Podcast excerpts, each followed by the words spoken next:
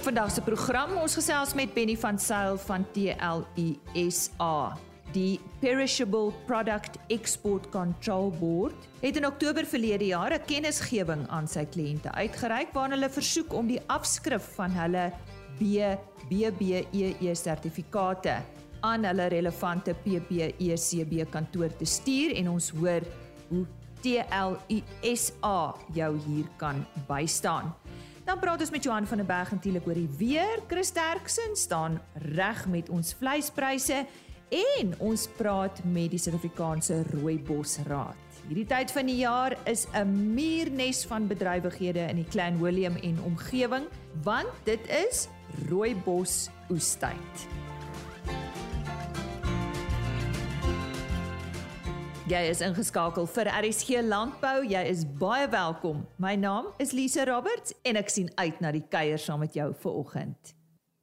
Eers dan die woord en soos altyd op 'n donderdagoggend is Johan van der Berg. Johan, kom ons begin met die Noord-Kaap. Dit het nou nogal gereën die afgelope week of so.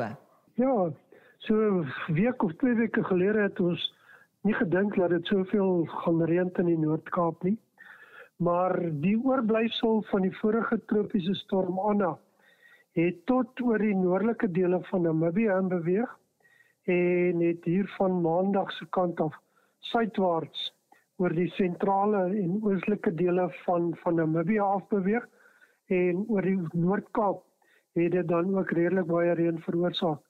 Ehm um, daar's plekke van Saulsrus 'n bietjie verder in die noorde kant wat al swaar reën gehad het hier by 80 mm en ook oor gedeeltes van die benede Oranje rivier.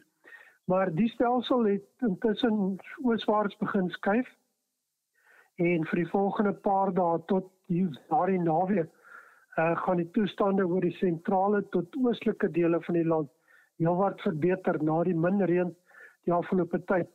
Ons het as gevolg van die laagdrukstelsels wat oor Namibië en die weste kant van die land ontwikkel het, was daar 'n hoogdrukstelsel oor die noord en noordoostelike dele van die land wat dan vir ons ongunstige toestande vereen veroorsaak het. So dit lyk asof hier 'n 20 na 40 mm moontlik is uh tot hier by maandag se kant uh oor hoe sê die Vrystaat, Oos-Kaap, Mpumalanga, Noordwes, Gauteng en Limpopo en dan 'n bietjie swaarder reën lyk my oor KwaZulu-Natal vir die volgende paar dae. En uh, terugvoer oor die siklone Johan. Daar's 'n tweede sikloon wat tans nog net oor Madagaskar oor ja Madagaskar is en uh, baie swaar reën veroorsaak oor daardie gebiede. Dit lyk asof dit uh, dit is 'n baie sterker ontwikkelde laagdrukstelsel. So hierdie kan as 'n tropiese sikloon uh geklassifiseer word. Uh windsnelhede kan lyk like my tot sê by 180 km/h was, uh, wees terwyl uh, die tropiese storm Anna het my hierdie orde van 70-80 km gedraai. So dit lyk na 'n baie sterker stelsel. So daar's op hierdie stadium onsekerheid oor watter pad uh, hierdie sikloon gaan volg. En dit gaan so na die einde van volgende week wees. Daar's vier moontlikhede. Die een is dat dit dieselfde pad as wat die sikloon die tropiese storm Anna gaan volg uh oor Mosambiek, suidelike dele van uh oor uh, Zimbabwe, suidelike dele van Zambië en toe heelwat verswak het. Die tweede is dat dit verder noordwaarts in die Mosambiek kan kanaal kan kan gaan en verswak oor die noordelike dele van Mosambiek. Die derde opsie is dat dit die normale pad kan volg van siklone dat dit in die Mosambiek weswaarts beweeg oor Madagaskar, dalk uh, Mosambiek raak en dan suidwaarts uh, in die Mosambiek kanaal af beweeg en ooswaarts dan weg beweeg. Maar die vierde opsie is wat die grootste bekommernis is, is dat daar is 'n moontlikheid dat die sikloon kan verswak, maar dat dit oor Mosambiek en die noordelike en oostelike dele van Suidelike Afrika kan inbeweeg en dit kan nogal 'n baie groot risiko inhou uh van van van redelik swaar reën. Dit is nog 'n bietjie onduidelik watter pad gevolg gaan word, maar ek dink daar is 'n baie groot moontlikheid uh dat hierdie sikloon uh uiteindelik hier oor die oostelike en noordoostelike dele van die land kan inbeweeg uh en tot sover as die suidelike dele van KwaZulu-Natal of selfs die Oos-Kaap, die noordelike dele van die Oos-Kaap uh reën kan veroorsaak. So dit is in die 3de week van Februarie. So hier vanaf 9 10 Februarie tot so by 15 Februarie. Die langer termyn uh wys nog redelike goeie kans vir reën uh later in Februarie maar veral Maart en April nog. Met die La Nina wat nog steeds aktief is alhoewel dit 'n piek bereik het, uh is die kanse baie goed vir verdere reën. Veral Maart, April, uh selfs in die laaste deel van van Februarie. Uh oor veral die sentraal na oostelike dele en dan behoort dit in Maart of na April maand se kant uh weswaarts te skuif uh en redelik swaar reën is dan verder of baie moontlik oor Namibië en die Noord-Kaap en en daardie gedeeltes. En die hitte in die Wes-Kaap, Johan?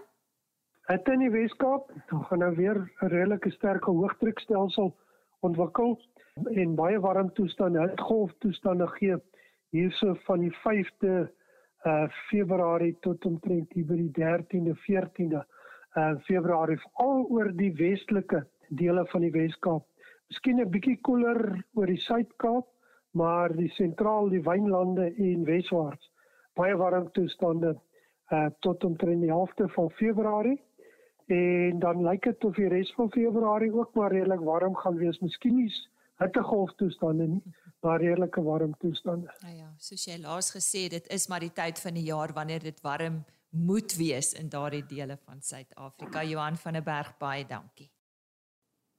Die LISA doen 'n beroep op ons uitvoerprodusente om die hulp van TLISA en Sakeliga aan te gryp. Dit is met betrekking tot Perishable Product Export Control Board of die PPECB se versoek aan sy kliënte om hul BBBEE sertifikate te verskaf. Ek gesels nou met Benny van Sail, hoofbestuurder van TLISA. Benny skets net vir ons die agtergrond. Lise, dit is so dat wanneer enige iemand uitvoer, dan moet daaraan sekere vereistes voldoen word. En dit ver, word vereis dat jy dan 'n PPECB sertifikaat het wat dan die kwaliteit van jou produk dan gesertifiseer het. Hmm. Nou het PPECB verlede jaar al in Oktober, so einde Oktober, het hulle 'n verklaring uitgestuur en 'n kennisgewing eintlik aan al hulle kliënte waarin hulle gesê het dat daar voortaan dan aan elke kantoor waarby hulle betrokke is 'n BBBEE sertifikaat, alhoewel 'n swart ekonomiese bemagtigingssertifikaat dan nou saam met 'n beëdigde verklaring dan ingedien moet word. Nou onmiddellik het baie ehm um, organisasies ons ook maar ook ander maar ook individuele kliënte gesê maar wat behels dit? Wat is die bedoeling daarvan en waaroor gaan dit? Mm. En toe het hulle in November 'n verklaring uitgereik om dit dan nou toe te lig. Nou ons kommer as ons nou mooi na daai verklaring van November gaan kyk, sê hulle daar, nee, dit gaan nie op hierdie stadium om individuele entiteite te evalueer nie, maar eintlik om te kyk of die hele sektor voldoen aan vereistes. Maar in daai verklaring word woorde gebruik soos in dat gaan nie tans vereis word nie mm. en dit is nie in hierdie stadium nodig vir uitvoere nie. Met ander woorde die deur word 'n klein skreefie reeds oopgemaak As jy daai soort woorde gebruik, bedoel jy dit gaan wel vorentoe die geval wees. En dit is vir baie baie boere net eenvoudig nie haalbaar nie. Ons praat van familieboere, dit is nie noodwendig hulle wat uitvoer nie, maar baie van hulle voer wel uit. En dan sit daai persone nou skielik in 'n situasie as hy wat nie kan voldoen aan SCB nie, hy het nie die kapasiteit nie, sy boerdery leen hom nie daartoe nie, gaan nou moontlik vorentoe benadeel kan word. En dit is ons kommer oor hierdie hele storie. Ons en Sake Liga het hande gevat en hierdie saak in dringend bespreek en besef maar ons sal ons boere se rug moet toemaak en daarom het ons gesluit besluit om 'n veldtog te loods om net vir boere die geleentheid te gee om net in hulle beëdigde verklaring vier punte by te voeg om dan hulle rug toe te maak en opste van hierdie potensiaal van vorentoe indien wel dit hulle gaan byt. Ons sê nie dit gaan gebeur nie, maar hierdie is 'n voorkomende optrede om seker te maak dat ons vorentoe dalk nie 'n slaghuise trap en boere benadeel gaan word nie. So wat is die proses vorentoe vir die boere wat belangstel om wel van hierdie hulp gebruik te maak, Benny? En dit is baie eenvoudig. Wat kan doen is hulle kan na ons webbladsy toe gaan Dit is www.tlu.co.za en dan sal hulle die veld tog daar sien baie duidelik sit uitgemerk en dan kan hulle net daar ingaan en dan sal hulle sien as hulle daar inskakel gaan hulle vier paragrafies kan kry wat hulle kan byvoeg by hulle beëdigde verklaring. Dit is net na aanleiding van die regsinsiete wat ons gekry het om vir ons vorentoe dan 'n beweegruimte te gee dat ons nie nou vasgevang raak in hierdie storie nie. So op ons webbladsy kry daai vier paragrafies en voer dit dan nou in by jou beëdigde verklaring dit gaan help vorentoe dat hierdie dan bom nie in jou gesig pas nie. En ons wil vir die publiek vra om ons te ondersteun met hierdie in hierdie verband. As ons 'n groot klomp ondersteuners kry, dan kan ons die nodige druk ook toepas dat hierdie tipe van versigtiging wat nou na boere se kant toe gaan, wat ons sê moontlik geboere gaan pla dat dit nie vorentoe vir hulle in gedrang bring ten opsigte van hulle voedselproduksie en dan ook hulle uitvoere nie. Hmm. Dat, dat die publiek ons in elk geval nou ook asseblief steun in die verband. Weet julle wanneer daar uh, enigsins uitsluitsels sal wees hieroor want hulle praat soos jy gesê het maar praat van tans en die moontlikheid en so aan. Julle weet nie wat verder gaan gebeur nie. Dis glad nie, die ding hang in die lug. Jy weet, hmm. dit is die dilemma wat ons het. Hier's geen klare rigtinggewendheid in hierdie hele proses nie. Maar met daai tipe van vaagheid is dit nodig dat ons van ons kant af duidelikheid op die tafel sit. En daarom het ons besluit om hierdie in gedagtes van ons boere se midde te laat waarvan hulle graag kan gebruik maak. So die groot risiko hieraan verbonde is 'n boer sal nie kan uitvoer nie, is ek reg? As dit vorentoe die mm. vereiste gaan word, mm. Mm. want hulle sê ook in hulle verklaring sê hulle dan in die departement handel nywerheid en meer dinge en die sektor kan kyk na teikens vir die sektor tydens die hersiening van sy swart ekonomiese bemagtiging generiese en of sektorkodes. So hierdie goed is als veranderlik is, is dinge wat kan verander en dit kan mm. vorentoe mm. vir boere dalk 'n faktor wees wat hom kan benadeel. Mm. En dit is waarom ons dan sê doen nou reeds betyds die voetwerk. Mm. As jy jou beëdigde verklaring instuur, stuur dit saam met hierdie vier paragrawe wat jou grootliks gaan vrywaar ten opsigte van sekere aspekte indien dit wel vorentoe van toepassing gemaak gaan word. Dit hang bietjie in die lug hier, maar dit is mm. nie moeite werd om te wag tot hy byt nie. Mm. Dit maak eerder voorsiening en sorg dat ons voorkomend opgetree het. En dit was die hele bedoeling ons van die interaksie wat ons in sake liggaam met mekaar gehad het. Wees betyds en stop dit dat dit nie veel vorentoe gaan plan nie. Dit is natuurlik nou vir boere wat uitvoer. Dit is nie noodwendig op almal van toepassing nie. Nou ja, so sê uh, Benny van Sail, natuurlik hoofbestuurder van TLUSA en kom ons gee net weer hulle webtuiste www.tlu .co.za gaan kyk daar die vier paragrawe is duidelik sigbaar volgens die Penny. Penny baie dankie vir jou tyd vandag. Baie dankie Lise en baie sterkte vir ons boere. Dis nou tyd om te hoor wat hierdie week met ons vleispryse gebeur het en dit is pryse wat behaal is by veilinge in die Noord-Vrystaat en dit was Dinsdag 1 Februarie. Aan die woord Chris Derksen. Goeiemôre Lisa. Goeiemôre al ons medeboere. Behalwe vir die saai boerdery is die Vrystaat dan nou 'n totale blomke. Pryse is baie stabiel, maar bokke is interessant genoeg in baie groot aanvraag en baie duur en mense weet hulle teel soveel vinniger aan as die skape. Maar ek gee vir julle presiese pryse. Onder die beeste het speenkalvers onder 200 kg gegaan vir R44.52 per kilogram lewende gewig van 200 tot 250 kg, so R42.23 en oor 250 kg R40.66. A-klasse was R30.15 per kilogram lewendig. B-klasse R26.11. C-klasse was vetkoeie was R25.17 en maarkoeie het gewissel van R19 na R23.77. Slagbulle was R26.15. En vanaf die skaapmark was stoorlammetjies R42.56 en ek verwag eintlik hulle pryse sal eers begin opgaan as die lande oopkom. Slaglammers R38.09, stoorskape R32.03 en vetskape R31.62. Bokke was lammers R60.17 en ooe R40 presies. En soos altyd, indien ons van enige verdere hulp kan wees, skakel ons enige tyd na 08280 75961 of jy kan altyd gaan na www.vleisprys.co.za of na Twitter by Vleisprys. Baie dankie. Dankie Chris en so sê Chris Derksen.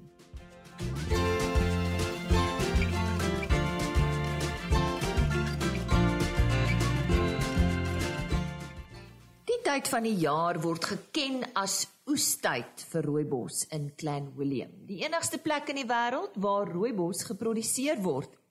Martinay Swart van die Suid-Afrikaanse Rooibosraad gesels nou met ons oor die besondere populêre tyd van die jaar in Clan William en ook oor die eg Suid-Afrikaanse uitvoerproduk.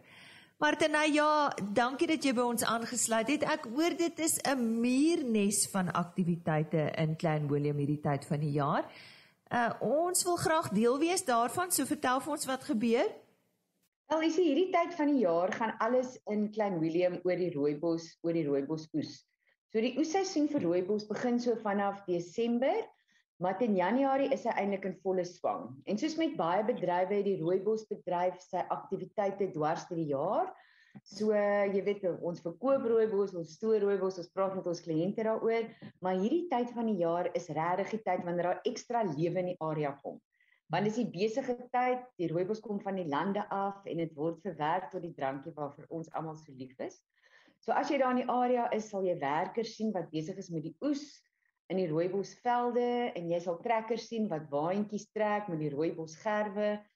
En as jy gelukkig is, gaan jy ook die wonderlike eeue oue manier sien om rooibos op die teebane te maak. So in die area wat uh, die luisteraars moontlik nie mag weet nie, is daar omtrent 80 teebane En so as jy ry deur die pragtige Cederberg area, dan kan jy miskien 'n bietjie tradisie in aksie sien. Gesels met ons deur die verskillende produksiestadia van rooibos. Kom ons begin by die saad. Uh, wanneer en hoe word dit geoes en en hoe ontkiem dit? Dit is eintlik wonderlik. Het jy al ooit 'n rooibos saadjie gesien? Nee, glad nie. Piek klein. So hulle is baie piek klein en is eintlik verstommend om te dink dat uit daai klein saadjie uitkom hierdie geharde en wonderlike plant wat onder moeilike omstandighede groei en wat aan ons as nasionale drankie gee. So rooibossaade belangrik word met die hand geoes. En dit kan uitdagend wees want wanneer hulle hulle reg is om te ontkiem dan bars hulle sommer spontaan oop. So jy wil hulle kry voor daai stadium. So in die ou dae is rooibossaade van muurshope versamel. Dit is eintlik 'n interessante storie want die mure het die rooibossaadjies geoes vir kos en dan het hulle na hulle muurshope toe gegaan en die mense het dit dan van die muurshope verkry. Maar deesdae weet ons nou meer daarvan, so wat die boere eintlik doen is hulle vat 'n sif en hulle sif die sand rondom die rooibosplant en dan maak hulle so hulle saadjies bymekaar. En dan die saad word dan ontkiem met groot sorg van Februarie tot Maart in in rooibos kwekerye en in die kwekery groei hy dan van sy ontkiemingsstadium tot 'n saailing. Dan die plant daarvan. Hoe werk dit? Reg, so rooibos is maar vas aan die omgewing van die Cederberg. So hy's vas in die omgewing van waar hy vandaan kom. So van ons wag vir die reën basies. So van Junie tot Augustus wanneer die winterreën op pad is, dan plant jy nou die saailing uit van die kwekery na die na die rooiboslande of na die rooibosvelde en hy gaan daar na volwassenheid groei. So jy kan hom op twee maniere plant. Jy kan hom of plant met 'n masjien of op die ou tradisionele manier kan jy daai plantjies plant met die hand. So hulle word dan geplant in die lande en dan is dit omtrent so 18 maande voor hulle volwassenheid bereik en en geoes kan word. Nou ek weet jy of die luisteraars weet baie mense weet nie hoe lyk 'n rooibos plant nie. So ek is al ek sal miskien vir julle net baie vinnig probeer verduidelik, maar Hy's eintlik 'n struikagtige bos en hy is deel interessant die rooibosplant deel van hy's 'n peulplant of hy's deel van die ertjie familie. As ons as ons nou anders as ons anders daarna wil dink wat ek altyd interessant voel. Hy groei omtrent 1.5 meter hoog en hy kom uit die grond het hy so gladde bas en hy kom uit die grond dat hy verdeel onmiddellik in klomp takkies en daai takkies verdeel dan weer en aan hierdie takkies het ons hierdie klein ehm um, hierdie klein dis amper soos 'n naaldagtige blaartjie. En daar dit is dan dis eintlik 'n baie fyn mooi plant as jy hom sien in sy natuurlike omgewing. En wanneer word dit dan geoes en gedroog en en hoe hoe word dit gedoen? OK, dis nog 'n tegniese proses, maar ek gaan julle nou daardeur vat. So rooibos word een keer per jaar van die somer tot die vroeë herfs. So ek het nou net vir gesê ons begin dit begin so in Desember gaan definitief lekker aan in Januarie en Februarie Partykeer gaan die seisoen self tot in Maart. So wanneer die plante volgroei is, dan sny jy daai takke af omtrent 50 cm bo die grond. Jy wil hom nie heeltemal afsny nie want jy wil hom weer kan laat groei. Hy groei 4 of 5 keer van een bos af. Die geoeste rooibos word dan in gerwe saamgebind en dit word dan geneem na die verwerkingsarea en daar word dit gesny na eenvormige lengtes die die plant. So met ander woorde so 1.5 na 5 mm is die lengtes waarin dit gesny word. Op hierdie stadium is die plant groen. Nie rooi nie. Vir die wat nie weet nie. So die gesnyde rooibos word dan gekneus en dit word dan in hoope gesit en hy word nat gemaak. So 60% bevochtig as jy sou wou en hy lê dan in hierdie hoop 10 tot 14 ure 34 tot 38 grade Celsius en hy sweet in daai hoop. Nou wanneer hierdie ding hierdie sweetproses begin, dis wanneer die fermentasie begin. So die fermentasieproses behels oksidasie, so die die plantjies besig om te oksideer. En baie interessant, hierdie oksidasie word moontlik gemaak deur ensieme wat natuurlik in die plant voorkom. So wanneer ons rooibos verwerk en wanneer ons hom fermenteer, ons sit niks by nie. Hy lê dit ons maak hom bietjie nat en en die plant doen doen die res.